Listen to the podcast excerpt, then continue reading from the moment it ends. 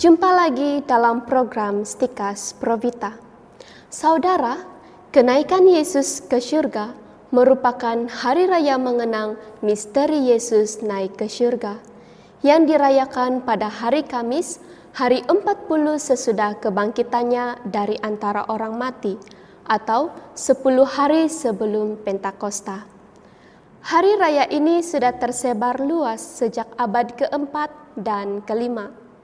Hari ini adalah hari libur besar dan di Indonesia termasuk hari libur nasional yang sering kali disebut hari kenaikan Isa Al-Masih. Tampaknya kenaikan Yesus ke surga menyisahkan kesedihan yang mendalam kepada para murid. Akhir cerita Yesus nampaknya berakhir pada hari raya kenaikan. Tampaknya kisah hidupnya hanya sebuah kenangan yang tertanam kuat dalam memori suatu generasi dan generasi berikutnya melupakannya karena ada keajaiban lain yang muncul. Ia memang telah memenangkan kematian dengan bangkit dari kubur. Namun kenaikannya ke surga seperti akhir sebuah kisah ajaib. Di satu pihak, itu merupakan suatu happy ending karena kisah hidupnya tidak berakhir di liang lahat dalam kegelapan kubur yang penuh ulat dan menyisahkan kerangka, tetapi berakhir pada sebuah keajaiban, yaitu ia naik ke surga perlahan-lahan dan perlahan-lahan sampai mata menemukan titik keterbatasannya untuk memandang ujung-ujung langit. Di pihak lain, kenaikannya ke surga seolah-olah mengembalikan cara hidup para rasul. Cara hidup yang bagaimana? Kembali ke laut. Seperti saat mereka kehilangan harapan waktu Yesus mati di salib. Perintah menjadi penjala ikan seperti berakhir tanpa ada yang dapat ditangkap. Namun sesungguhnya Yesus telah memenangkan sebuah keabadian. Ya, sebuah keabadian. Karena kisah-kisah hidup dan cintanya tidak pernah berakhir. Cerita tentang Yesus tidak pernah berhenti di Palestina atau di Yerusalem, melainkan sampai tempat-tempat dan sudut-sudut terjauh di dunia. Cerita hidupnya menyeberang dari hati ke hati orang-orang yang menjadi saksi-saksinya sampai ke hati setiap generasi selanjutnya dan terus selanjutnya sampai di hatimu pada hari ini. Saudara, para penginjil sinoptik melukiskan cerita akhir hidup Yesus di dunia dengan suatu perintah agung.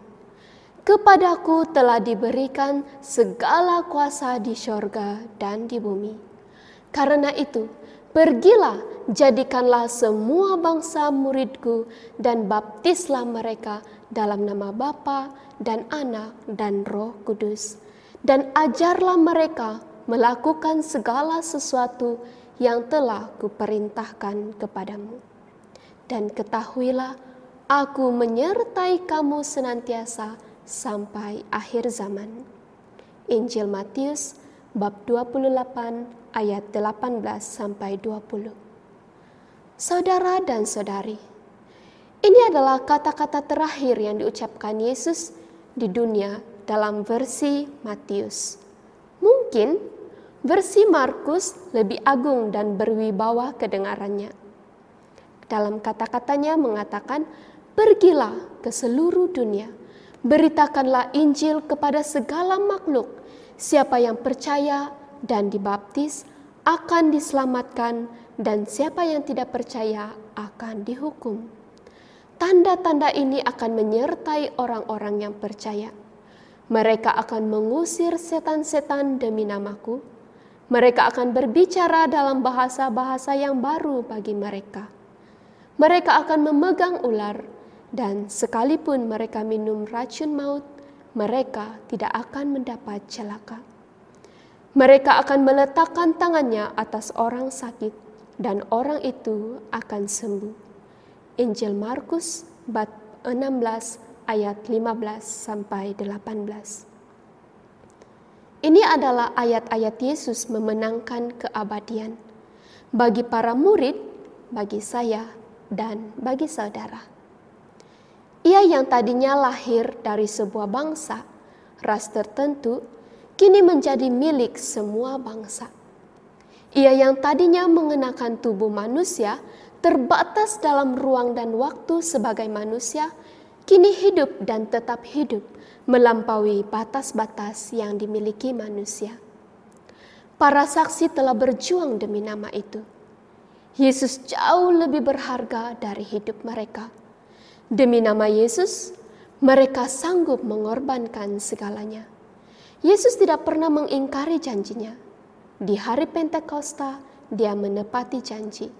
Aku menyertai kamu senantiasa sampai akhir zaman dengan diutusnya Sang Penghibur, Roh Kebenaran, yaitu Roh Kudus. Roh Kudus itu yang menyertai para murid, sehingga mereka mampu melakukan hal-hal yang ajaib dalam pandangan manusia normal. Mereka mengusir setan, menyembuhkan orang-orang sakit, bahkan membangkitkan orang-orang mati. Yesus menyertai orang-orang yang memberi kesaksian atas namanya untuk memenangkan setiap pribadi menjadi bagian dari kerajaannya sampai akhir zaman. Saudara telah dimenangkan dan inilah tanda Yesus memenangkan keabadian. Selamat Hari Raya Kenaikan Yesus, Sang Isa Almasih. Salam Provita.